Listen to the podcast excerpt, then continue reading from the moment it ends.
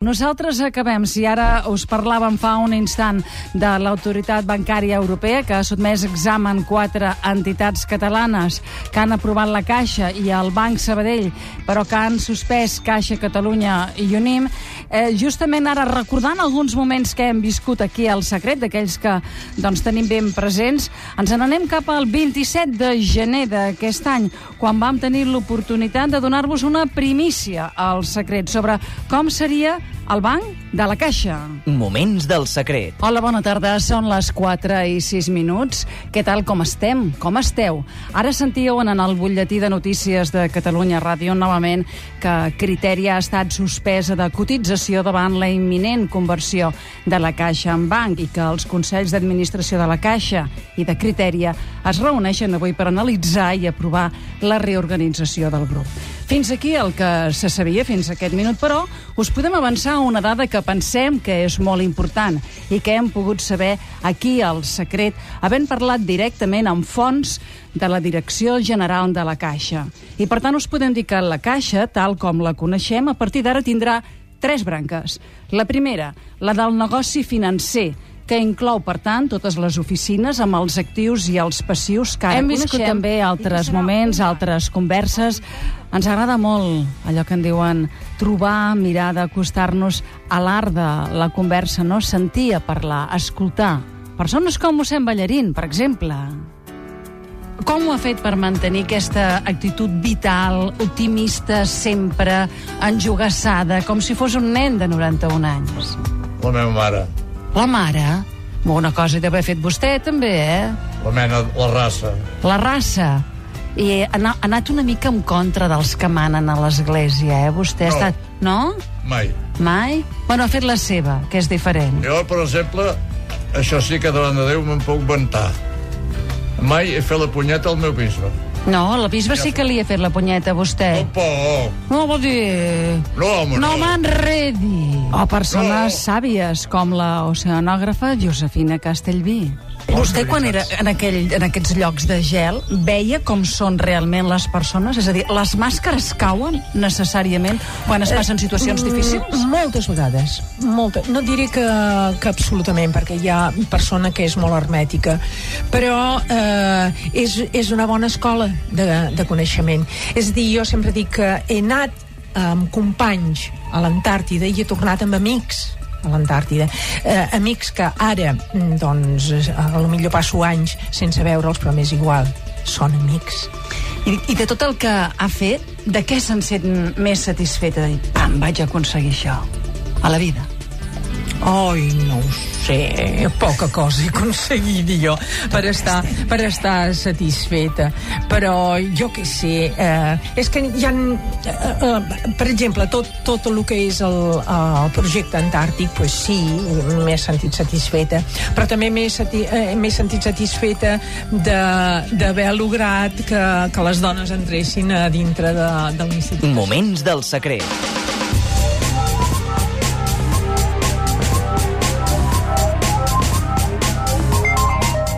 Primer de tot, mirem com tenim el temps, quin temps hem tingut, quin temps tenim i quina previsió del temps tindrem.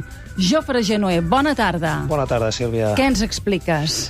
Bé, doncs, déu nhi la nevada que ha caigut, tots ho hem pogut veure, i encara hem de parlar de força neu al llarg de les properes hores. De fet, el màxim d'aquesta perturbació tot just comença a produir-se ara al plat fort. Pasqual, bona tarda. Des de les 14 hores, quants metres ha fet o quants quilòmetres ha pogut fer? Ah, uh, uns 20. AP7, on és vostè, Àlex? Pues mira, a, a Mollet del Vallès. Sí, què li passa, Mollet? Pues mira, AP7, Mollet del Vallès, direcció Girona, Uh -huh. en una hora i mitja, 3 quilòmetres. Tenim en Ricard que està en un tren. Som al secret de Catalunya Ràdio. Ricard, el tren està parat. A on tenen el tren? Bona tarda, Ricard. Estem entre Fornells, a la Selva i Riudellots. Sí, Hem sortit de Girona a les dues i 10 sí. I hem corregut 5 minuts. Moments del secret. 3 hores que estem aquí, sense calefacció, el tren parat, ningú diu res. Res. Hi ha més de 300 persones aquí dintre. Molt bé, molt malament. Vol dir que també ens està escoltant a través de la ràdio del telèfon mòbil, vostè? No, no, no, no, no. jo com que sé el número vostre de memòria... Ai, que és maco. Jo conec, jo conec el Martí Trilla i tal. En aquest moment a Barcelona, aquí a la Diagonal, la neu comença a fer gruix. Això no... Efectivament, era el març de l'any passat aquella gran nevada a Catalunya. El tractament informatiu d'aquest programa i de la resta de programes de Catalunya Ràdio va nevar a la tarda, però realment els efectes van durar dies i dies i dies. Va mereixer l'últim Ondes, que es va donar ara al novembre passat. Hem viscut altres moments, com avui mateix, no?, de música, de veus d'aquelles que esclaten, no?, que quedem eh, garrativats. Escoltem la veu d'aquesta noia. He fet un sainet. No, com que no en sabem i no som actors i tot això no ens ho hem après ni res, hem vingut amb els papers. Llavors en Bolaño ja m'ha dit, diu, jo Què? ho vull canviar, no, perquè va tot ple, totes les síl·labes van quadrades. És, és... sí, la Hem de fer una mica. Don Hilarion i, i, i la Morena i la Jo m'he- Rubia, on m'he de posar, que ara tu això ho Tu domines mig tu. perquè ets la jefa. Ah. I, ara, i, I ara ara farem un petit poema. Som Vosaltres els de ser 400 valents, secrets. perquè, Eh, Sobretot amb mi, amb ella. sobretot amb el Bolaño. És, el Bolaño ja té poc text i ja li donarem cops, perquè ho farà malament. Però, és, és a dir, les coses són així. Sí. Però és només perquè ens agrada el A Bolaño. part, jo també t'estimo. Sí, ho sé. Ho sé i ho trobo normal. mm, doncs ara us ho fem, eh? Heu, heu de ser... Va. Eh, ens, heu, ens heu d'estimar. Va, va, som-hi. Vidal, posa música, molt bé. Oh, quin marc incomparable. Quin escenari concret. Per fer possible i viable que hi vinguéssim a fer el secret. No pas un secret ibèric. No hem de confondre la gent. Ai, quin poema tan histèric! Quin cognom tan eloqüent.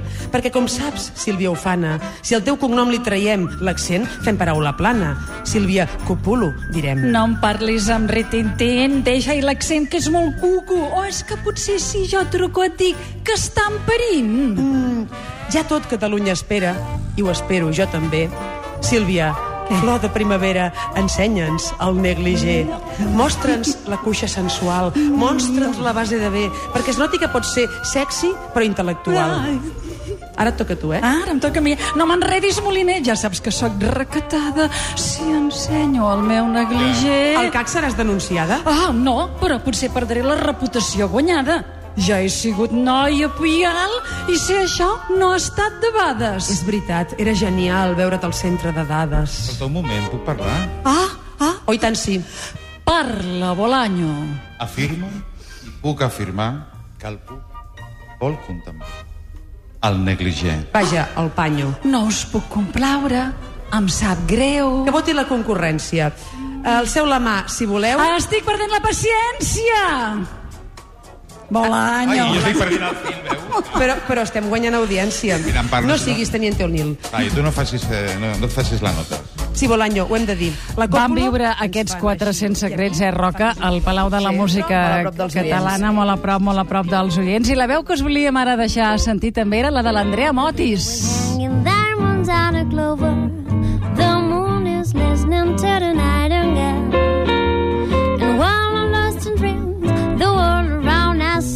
Like a Louisiana fairy tale.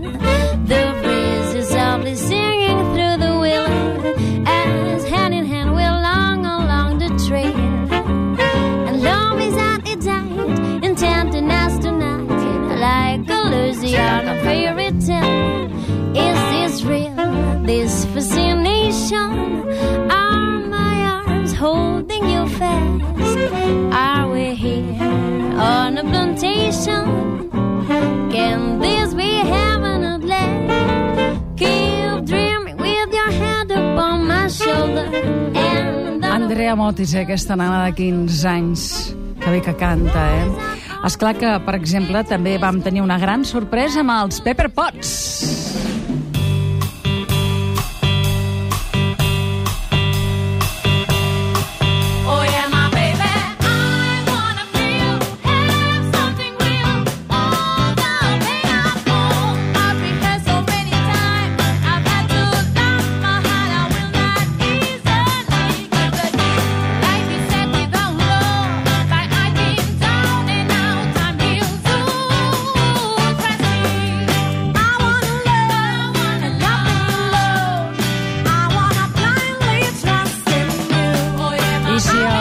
Setembre, ara fa, compte tu, eh, ja un any i mig, vam penjar la mateixa consulta sobre la independència que llavors feia Arenys damunt en el xat de l'endirecte i si va poder estar, també vam voler arriscar perquè creiem que calia donar veu a aquesta dona. Jo crec que és fonamental. per això l'he inclòs, junt i amb el mateix nivell, o fins i tot crec que en el meu document dic encara més greu és la irregularitat del canvi de definició, perquè, com molt bé ha dit el doctor Trilla, eh, bé, això podia haver estat la primera part accidental, no? un accident que ocorre a un laboratori, lamentable, però un accident. Aquesta segona ja no és un accident, això és un canvi de definició clínica que ens obre una possibilitat que, com indico, no, després té conseqüències polítiques i que, de fet, perd el seu contingut eh, mèdic o clínic. És a dir, quan es declara una pandèmia fins ara, la gent del carrer diuen una pandèmia, això és una cosa greu. Sí. Doncs bé, resulta que ara no. Amb aquesta definició, una pandèmia que ens priva que cada any la eh, grip de cada any sigui també declarada una pandèmia. Ho seria també per al nombre de casos que té. Ho seria Clar. pel nombre de casos i l'altre criteri que sembla que introduiria la nova definició és que no hi hagi immunitat. Doctor Trilla, quina importància li sembla a vostè que té, si és que hi està d'acord, que l'OMS ha variat eh, el criteri de la definició del que és una pandèmia? Bé, eh, les estimacions en quant a la gravetat de la pandèmia són difícils de fer i són un punt controvertit i la pròpia OMS ha reconegut que això és un tema de difícil encaix. I tant de difícil encaix, l'OMS va haver de reconèixer moltes qüestions. Semblava que calia tenir també espai per altres veus que eh, podien estar diferint de les oficials, entenent que les oficials han d'assumir sempre també la seva responsabilitat. Sentíem, per tant, ara la doctora Forcades i el doctor Trilla. I fa molt poquet, eh, era el març, que va venir aquest home. Ara jo, si em diuen, i ara què fan per proclamar la independència? Doncs ho per proclamar la independència, res. No l'hem de Home, proclamar. Proclamar no és el. Peris, però ara vostè dirà, bueno, però es poden fer, home, miri, doncs es pot, es pot parlar en aquest sentit i mirar que la gent ho entengui i, és clar si arribés a haver una majoria molt clara a I es pot anar a votar, per exemple, a Barcelona el 10 d'abril? Home, és clar que es pot anar a votar, jo he votat. El 10 d'abril, jo diria que avui és... Uh... No, home, es pot 31 votar per endavant, ja ho saps. Vostè ha votat per endavant? Ja he votat, ja he votat. sí. Vostè ja ha votat? Ja, mira, espera't, mira, no, espera't, espera't, espera't. Mira, Sí, senyor. Jo ja he votat. I ara m'ensenya a veure tot això que tenim de la webcam, aquesta mena de cosa que... Com se'n diu d'això, Mònica? Això- Un pin, un pin, ja ha votat. ja he votat. Ja sé que el vot és secret, No, he president. votat independència. Perquè, saps què passa? Vostè ha votat independència. Home, per què? Perquè eh, podria quedar a casa. Que seria un cert sentit lògic, perquè, m'acorda, vull dir, aquesta és una consulta que és vinculant? No, no és vinculant. És una, una consulta que té tot el suport oficial? No, no en té cap. És una consulta que tècnicament es fa de la manera que s'ha de fer? No, perquè es fa per voluntarisme. És una consulta que, per tant, allò com a indici de, de debò, de debò, de lo, de lo que pensa la població servirà? No. Ara, el que passa és que hi haurà gent que hi hagi uns centenars de milers de persones mm. a Catalunya eh, que al final resulti que han dit, escoltin, ja no, no volem aquesta situació. Tindrem la independència, no la tindrem, no la tindrem, molt bé, però manifestem el nostre desacord i manifestem la nostra afirmació. Eh? Això és molt important. I per què ha evitat la foto, vostè? Per què ha evitat no d'anar-hi el de 10 fer? d'abril? Escolta, per què no l'he de fer? Per què no? Perquè, escolta, a més, És un jo... símbol, és, és, és un model, vostè, que molta gent el seguirà. Estimada Sílvia. Digui'm, president. Estimada Sílvia. Tu saps que hi havia una, una de teatre d'en Sagarra que es deia Estimada Sílvia? Uh -huh. Ho saps? Sí, no, no la sé, només sé el títol. Eh? Sí, Només saps el títol. sí, l'hauré de recuperar, ja ho Fa veig. molts anys d'això, eh? Sí. S'ha de ser molt gran com jo per No, saber-ho. se n'ha de saber més del que ara mateix sé, Bueno. però ho sabré. Aleshores, on érem? Perquè ara m'he distret. Sí, per què ha evitat la foto? I vols que sigui més difícil per algú que digui, escolta, jo, des que tenia 20 anys que he treballat en aquesta línia, Uh -huh. eh? i ara, doncs, eh, he de rectificar. No, és que això és dolorós, inclús. Doncs hem d'agrair també que Jordi Pujol ara aquest març vingués aquí al Secret i ens revelés aquesta primícia que havia votat a favor de la independència en la consulta que s'havia de fer després, però que ell, tot d'un es treu el pin aquí assegut a, a, a, a aquesta cadira d'aquí al costat, es treu un pin de la, de la butxaca del pantaló i pensa, com pot ser que el president ara porti pins? Ens va també eh, fer aquesta gentilesa, ens va fer confiança, com ens han fet 136.000 oients segons les últimes dades del baròmetre de la comunicació i la cultura. Gràcies, gràcies, gràcies. Ens van dir, aixequeu l'audiència. Aquí ho teniu, vam començar amb 53, hem deixat aquest espai amb 136.000. Laura Marín, Ramon Vidal, José María Campillo, Mai Revilla, Dolors Verdés, Anna Iala, Rosa Maria Bertroli, Marisa Gil, Margarida Palomar, Sílvia Sánchez, Mònica Roca, Lídia Oriols i Sílvia Coppola. Gràcies als oients, als col·laboradors, als companys de la casa i a tots vosaltres. Ens tornem a trobar a partir de setembre, aquí, a Catalunya Ràdio, la ràdio nacional de Catalunya.